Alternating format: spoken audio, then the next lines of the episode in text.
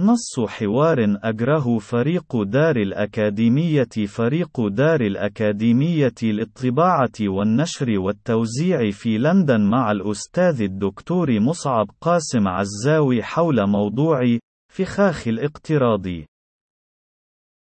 فريق دار الأكاديمية هل تعتقد بأن مبدأ الاقتراض خاطئ في جوهره، خاصة في حالة الدول النامية؟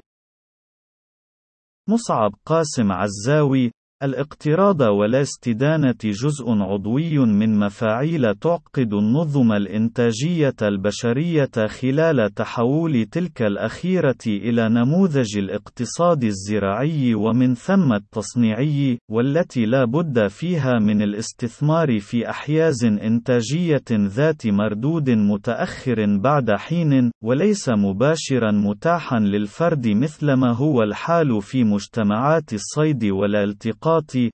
وهذا يعني أن هناك ضرورة للاستدانة والاقتراض بين البشر والمجتمعات لضمان تمكن فرد أو مجموعة أفراد ما من اكتساب سرعة ابتدائية تمكنهم من الدخول في الحلقة الإنتاجية، ومن ثم إنتاج قيمة فائضة في المستقبل يتمكنون من خلالها من سد ديونهم وتحسين شروط حياتهم ومن هم مسؤولون عن إعالتهم. him.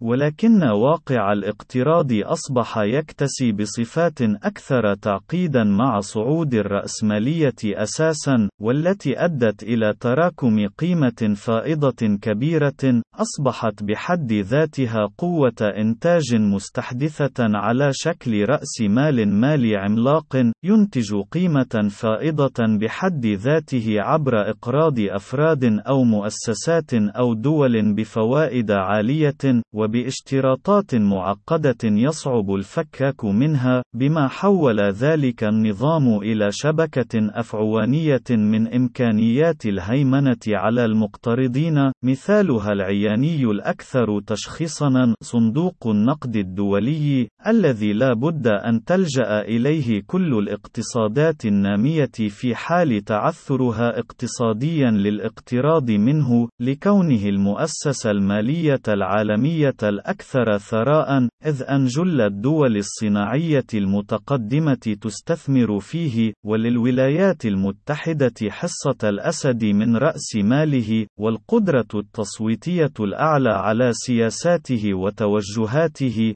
وهو صندوق النقد الدولي الذي يبدي استعدادا لإقراض أي من الدول النامية وفق شروط معقدة عنوانها العريض سياسات التصحح الهيكلي، والتي تعني وصفة علقمية جوهرها الخصخصة لكل أدوار الدولة، وبيع أصولها المالية، وإلغاء دورها الرقابي على الاقتصاد، وتحرير الأسواق، وفتح الأسواق المحلية الدولية على أعنتها للاستثمارات الأجنبية، ورفع الدعم بكل أشكاله عن السلع الأساسية، وإلغاء كل شبكات الحماية الاجتماعية للفئات المستضعفة، وبمعنى آخر تحويل الدولة من وكيل لتنفيذ وصيانة العقد الاجتماعي إلى جاب ضرائب ومدير تعاقدات مع الشركات الخاصة التي يجب تفويض كل شؤون المجتمع. المجتمع إليها، والتي يفضل أن تكون شركات عابرة للقارات لاتساقها أكثر مع رؤية ونهج صندوق النقد الدولي الانفتاحية، وآليات عمله وأهدافه المرحلية والاستراتيجية.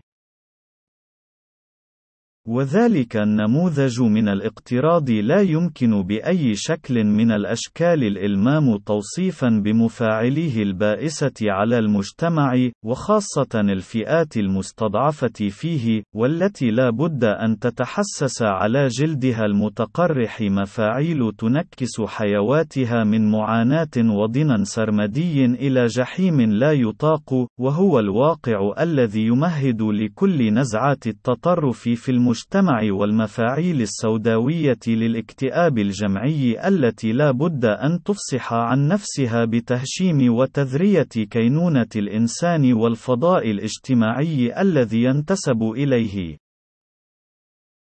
وبشكل أكثر تبئيرا فإن الاقتراض الداخلي الذي يتم من خلال الاقتراض ممن لديه فائض قليل أو كثير من الثروة سواء كان فردا أو مؤسسة لأجل إنجاز تنمية حقيقية عبر الاستثمار في تطوير البنى التحتية في المجتمع سواء كانت مدارس أو طرق أو مستشفيات أو خدمات للمياه والكهرباء والصرف الصرف الصحي أو جسورنا أو وسائل نقل عام وخطوط سكك حديدية أو مرافئ وموانئ، فإن ذلك ضروري ومفيد لكل مجتمع بغض النظر عن مستوى تقدمه أو غناه أو فقره، إذ أن الهدف الاقتصادي الذي أثبت صحته دائما هو الاستثمار الحقيقي في تحسين شروط حياة البشر والبنى التحتية للمجتمعات التي يتشاركون تكاليف ومنافع تلك البنى التحتية فيها.